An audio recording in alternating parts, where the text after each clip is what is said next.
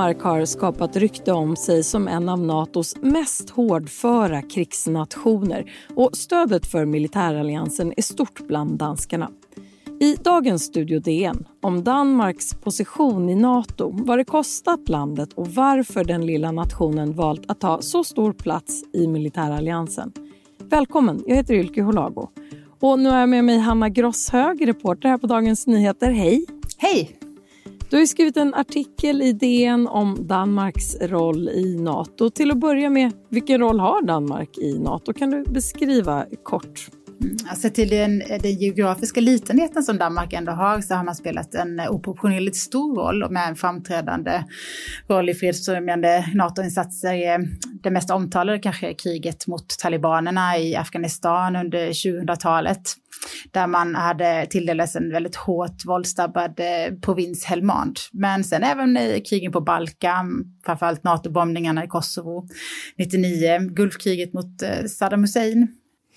Och för Danmark så är Nato en viktig del i den danska försvars och säkerhetspolitiken och landet har varit med i Nato ända sedan alliansen grundades 1949. Vilka är de historiska förklaringarna till att man gick med så tidigt?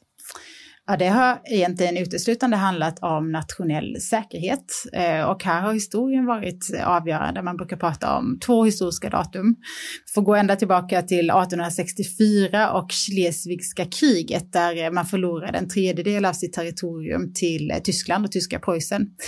Eh, men sen det datumet som man oftast pratar om, det 9 april 1940 under andra världskriget då eh, tyskarna landsteg i Köpenhamn och en fem år lång naziockupation väntade. Och efter befrielsen där efter andra världskrigets slut så har man eh, haft det som ett politiskt mantra att aldrig mer den 9 april. Så efter, efter andra världskriget så började man ju genast förhandla först och främst med, med sina nordiska grannländer. Det fanns, eh, var på tal om att man skulle bilda en skandinavisk försvarsunion. Men eh, de planerna de stannade och därför gick eh, Danmark med i NATO samtidigt som Norge och, och Island. Sen har det inte varit en, en självklarhet. Det var inte en självklarhet när man förhandlade om medlemskap från början. Man var ett, ett litet land Eh, men sen så pratade man om att Grönland, Grönland kom ganska tidigt in i de här diskussionerna och eh, det är ju världens största ö som eh, alltid har varit en strategisk viktig plats liksom för när det gäller kontrollen och inflytandet i Arktis, inte minst. Och det var ju USA väldigt intresserad av och har varit genomgående. alla minns väl 2019 när Donald Trump gav sig på med ett bud, han ville köpa Grönland. Så att det har alltid varit i fokus. Och Danmark har ju alltid haft en viktig roll i Nato. Ett av skälen är förstås det strate strategiska läget vid Nordsjön och Östersjön. Hur har Nato haft eh, nytta av Danmarks plats på kartan? Eh, framförallt skulle jag säga möjligheten till övervakning och närvaro i ett, ett, område där Ryssland har varit aktiv och inte minst för försvaret av de balkis, baltiska staterna. Och det märks ju inte minst nu när Danmark plötsligt har tagit ledningen eh, när det gäller NATOs förstärkning av Baltikum eh, sedan kriget bröt ut i, i Ukraina. Och de har nu ökat eh, den gemensamma NATO-styrkan med flera F16 stridsflygplan och man har fregatt och man har stationerat 200 danska soldater i Estland och ytterligare 800 finns redo att med en dags varsel rycka ut eh, eh om det skulle behövas. Så eh, en viktig roll. Och vilken roll har Danmark tagit i Nato historiskt, alltså sedan 1949? Vilka är huvuddragen och de stora skiftena? Till en början var man väldigt passiv och flöt mest med och man höll en låg profil rent utrikespolitiskt. Man följde mer en nordisk tradition med fokus på nedrustning och fredsbevarande insatser i FN-regi. Eh, och under kalla kriget så blev han till och med lite känd för att vara ett obstruerande medlemsland. Man satte sig ofta på tvären med sin så kallade fotnotspolitik och det berodde på att NATO-kritiska oppositionspartier eh, var i politisk majoritet i Folketinget eh, och satte sig emot då, vilket retade gallfeber för vår dåvarande utrikesministern från borgerliga vänster, Uffe Elleman Jensen, som var tvungen att framföra den här kritiken då.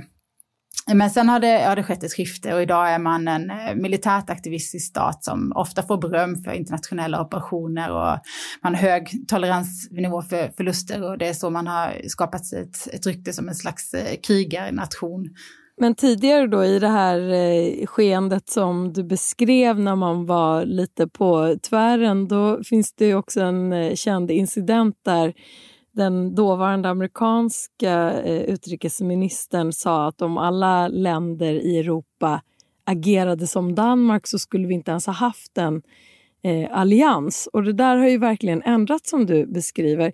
Du skriver i din artikel i DN att eh, Danmark har blivit ett krigarland, du nämnde det här nyss, och de är också en maktfaktor i Nato. Hur har det blivit så? Ja, det där var ju någonting som uppstod efter kalla kriget från 1989 och framåt, att de tidigare NATO-skeptiska partierna, de svängde. Och Danmark började liksom på sätt och vis överkompensera, både för sin litenhet och för hur man hade agerat tidigare, genom att man blev en slags säkerhetspolitisk superaktivist. Och det märktes först allra tydligast under, under krigen på Balkan. Och det handlade mycket om att man kände solidaritet med stater som var sårbara och kanske var lika sårbara som Danmark har varit en gång i tiden. Men men det har också varit en, liksom en medveten strategi att skapa politiskt inflytande i, i NATO, att man liksom genom lojalitet och samarbete har växlat till sig det här inflytandet och stor respekt trots att man är ett litet land. Och mm, Danmark hade ju faktiskt en generalsekreterare som eh, i form av Anders Fogh Rasmussen, eh, den förre eh, statsministern. Och han har bland annat sagt att med en aktivistisk utrikespolitik så kan man kompensera för att man är ett litet land och så har Danmark verkligen agerat genom åren. Men det är inte alla danskar som har varit odelat positiva till den här strategin att eh, ta i så här mycket när det gäller att träda in i, i krig. Hur har kritiken låtit i Danmark? Ja, men det har absolut funnits en kritik även om den övervägande majoriteten är, är positiv, har varit positiv till, till alla insatser där Danmark har deltagit. Men det finns en kritik mot hur man har deltagit, om man alltid har stått först i och varit den som har varit duktigast i klassen och räckt upp handen först och jajamensan, vi skickar våra soldater. Bland annat finns det ett rödgrönt parti, Enhetslisten, som faktiskt fortfarande vill att, att, NATO, att Danmark ska gå ut ur NATO just med anledning av det här. Vilka insatser ska vi ställa upp i? Varför ska vi eh, medverka på det här viset. Eh, så visst, det har funnits en kritik. Du har ju träffat den danske krigsveteranen Johnny Bolt Lambertsen som lider av posttraumatiskt stresssyndrom, PTSD. På vilket sätt har den danska krigarstrategin så att säga, påverkat hans liv? Ja, han är ju en av, av många danska veteraner som jag har träffat som har varit ute i flera av de här internationella operationerna. Han eh, var med fyra, vid fyra tillfällen, eh, skickades han ut till Balkan. Han var med i Irak i början av 90-talet och sedan så skickades han ut till Afghanistan under åtta månader runt 2010. Det var först efter det som han blev sjuk eller märkte att något inte var som det skulle och eh, en läkare konstaterade att han hade PTSD. Och idag är han sjukpensionär sedan ett antal år. Han har egentligen inget eget hem utan han har två skilsmässor bakom sig. Har eh, bosatt sig på ett veteranhem eh, mitt inne i Köpenhamn och ehm, vi var hälsade på honom och han bodde i ett litet fullpackat rum på, på några kvadrat. Han hade mängder av eh, utrustning utrustning som man skulle kunna överleva om man till exempel skulle behöva dra ut i skogen, vilket han gör eh, lite då och då och bor i, i veckor eller månader. Det hade han även, han berättade liksom att han har många kamrater som har tagit livet av sig efter att ha deltagit i de här insatserna. Ehm, han, var med om fem personer som dog under tiden som han var i Afghanistan och många av hans gamla kollegor har kommit hem med kapade underben och sitter i rullstol. Eh, flera av dem medicinerar med alkohol och, och droger. Och själv så gjorde han inte det, men han, han mådde väldigt dåligt och berättade om flashbacks och mardrömmar och aggressioner som kan dyka upp när som helst. Och så då eh, den begränsade möjligheten att faktiskt ha ett fungerande liv med arbete och hem och familj. Såklart, det har påverkat. Hade påverkat honom. Och han berättade också att hans, hans sätt att hantera de här mardrömmarna när han vaknade av dem eh, mitt i natten var att han brukade gå upp i och gå ut i trädgården och, och klippa häcken och eh, rensa ogräs. Han gick stora lovar runt kyrkogården som, som ligger där mitt inne i Köpenhamn precis intill det här veteranhemmet. Och när han visade oss runt i, i den här trädgården så eh, kom vi fram till ett litet eh, shelter, ett litet vindskydd. Då berättade han att han hade ett antal tidigare kamrater som när de kommer in till Köpenhamn och kanske behöver medicin så brukar de bo där. Och det här var människor som faktiskt har bosatt sig i skogen eh, ända sedan de lämnade Afghanistan. Och det handlar om människor som kanske bott till skogs i över ett decennium men som inte har kunnat anpassa sig till, till ett vanligt liv efter att ha deltagit i de här insatserna. Och då kom de in Köpenhamn och så bodde de med det, det här vindskyddet någon natt och sen så stack de iväg till skogs igen. Så man förstår ju hur, hur allvarligt många av de här veteranerna har påverkats efter och under sina insatser. Och även i Sverige så finns det ju soldater med eh, PTSD som har deltagit i samma krig som Jonny. Givet den danska erfarenheten, hur tror du att Sverige kan behöva förbereda sig på att ta hand om den problematiken efter ett eventuellt NATO-medlemskap? Ja, som du säger där så har ju faktiskt Sverige också varit ute. Man var också i Afghanistan, men man hade ett helt annat uppdrag där, där Danmark ju var i en, en hårt liksom, krigsförande region till skillnad från Sverige då. Eh, egentligen så är det ju upp till varje land. De här insatserna, internationella insatserna som Danmark har varit med i, har varit helt och hållet ett nationellt beslut, inte NATO som har bestämt eller tvingat ut. Det är alltså inte den här artikel 5 som har utlöst eh, att de här händelserna varit utanför NATOs eh, territorium. Så då lägger ju liksom varje medlemsstat att ta beslut om att försvara andra medlemmar som utsätts för angrepp om det skulle hända. Men det har ju inte hänt här. Så det, det, Danmark har beslutat detta själv. Så att om Sverige inte vill skicka ut soldater i sådana här konfliktområden så, så behöver man inte. Men om det skulle ske, om man ändå skulle ta det beslutet så, så tror jag att det är viktigt att man har en, en veteranpolitik. Faktum är att den danska regeringen de antog sin första officiella veteranpolitik först under kriget i Afghanistan. Man bildade ett, ett veterancenter inom Försvarsmakten som, som tidigare inte hade funnits. Och Därav den har man kunnat konstatera då att 10 procent av de danska soldaterna har drabbats av psykiska problem och PTSD när de har kommit hem, vilket man har kunnat hantera då genom den här veteranpolitiken. Eh, så det är nog väldigt viktigt att man tänker igenom och har en förberedelse för att det kan hända. Det här behöver man hantera. Vi har nämnt här att eh, Nato har ett starkt stöd bland eh, danskar. Hur starkt är det?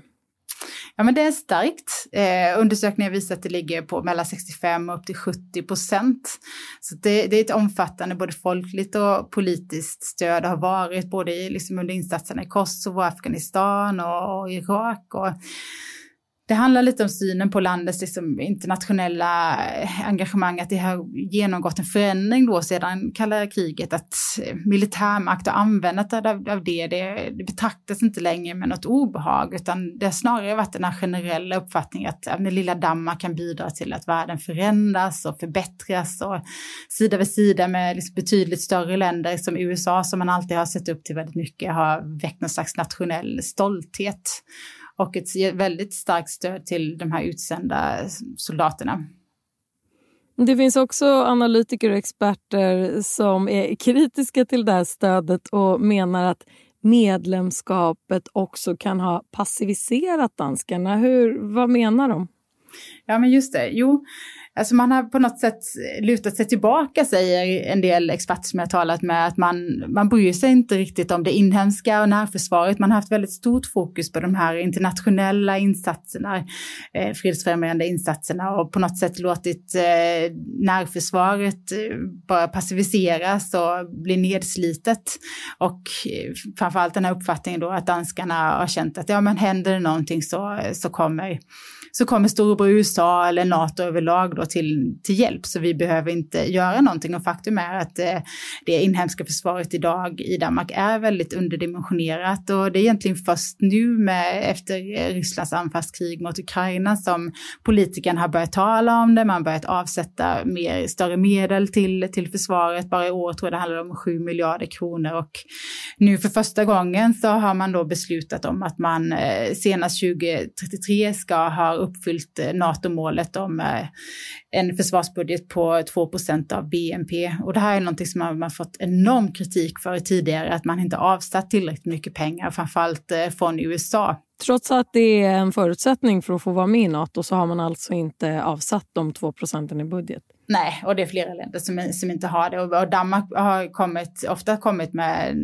till, till försvar då, men pengarna spelar inte roll. Grekland till exempel betala sina 2 procent. Man har inte bidragit särskilt mycket i övrigt till de här internationella insatserna medan Danmark då, eh, man brukar ofta ta upp det här med att 43 soldater dog i Afghanistan mer än något annat deltagande land. Så vad spelar pengarna för roll? Det är ju andra, annan lojalitet och andra insatser som är det viktiga. Vi pratar nu då om NATO-stödet. Samtidigt så är EU-skepsisen i Danmark utbredd. Vad beror det på? Hur hänger ja, det ihop? Ja, det hänger verkligen ihop för att en anledning till det starka stö eh, stödet till NATO handlar faktiskt om, om misstron till EU som har funnits länge i, i Folketinget och i, i Danmark bland den danska befolkningen överlag. Och jag blev faktiskt lite förvånad där, men jag fattat att det här handlar om, om den här misstron som uppstod eh, efter andra världskriget, att man fortfarande är rädd för att tysken ska komma och ockupera Danmark en gång till. Den här, de här historiska datumen då, 1864 som jag nämnde tidigare och eh, april eh, 1940, de sitter så djupt rotat i, i själen på danskarna. Så att därför har man litat mer på, på NATO än, än på EU och det, det märks väldigt tydligt på olika sätt, inte minst det här med att man inte har varit med i EUs försvarssamarbete, man, man står utanför. Och nu ska man ju faktiskt folkomrösta om det den 1 juni, det kan innebära en förändring, men, men av folk jag pratar med så vet jag flera som faktiskt kommer rösta nej till detta. Eh, sen de här förbehållen som man har haft, att man inte är med i EUs eh, e försvarssamarbete, gör ju samtidigt att man är mer beroende av, av NATO. Så de här frågorna, liksom NATO och EU, de hänger ihop. Och avslutningsvis, eh, Sverige ska fatta ett beslut om huruvida en eh, NATO-ansökan ska lämnas in eh, inom kort. Hur går diskussionerna i Danmark kring ett eventuellt svenskt och finskt NATO-medlemskap? De diskussionerna är enbart i positiva tongångar. Eh, man ser att det finns möjligheter till ett utökat försvarssamarbete i Norden. Redan idag har man ett starkt samarbete utanför NATO då, men försvaret kring Östersjön inte minst känner man att det här, här kan, finns det förbättringspotential och eh, att det nästan skulle vara en lättnad, lättnad om, om Sverige och Finland gick med för att man ser att det funnits någon slags lucka i dansk säkerhetspolitik där Danmark på sätt och vis med, med sin geografi då har frontat, varit liksom eh, NATOs sista utpost vid, vid Nordsjön till exempel och nu fylls luckorna i på något sätt runt, eh, runt Östersjön också. Sen har man haft liksom en intensiv utveckling i samarbetet eh, de senaste tre, fyra åren ändå som gör det möjligt till exempel om ett ryskt stridsplan skulle passera Bornholm och sen eh, köra in över Sverige så har man tidigare inte kunnat följa efter men det, det kan man nu efter ett avtal och så där. Så det är inte så att det inte finns något samarbete sedan tidigare. Men man ser att det kan bli bättre och som sagt så kände många danskar lättnad över detta. Ja, vi lär snart få veta hur det går i den frågan. Tack så jättemycket Hanna Gross, hög reporter här på Dagens Nyheter. Tack så mycket. Om du vill kontakta oss så går det bra att mejla till studiodn dn.se. Och kom ihåg att prenumerera på Studio DN där du lyssnar på poddar så missar du inga avsnitt. Studio DN görs för Podplay av producent Palmira Kokarimenga. Ljudtekniker Patrik Miesenberger, teknik Oliver Bergman på Bauer Media och jag heter Ylke Holago.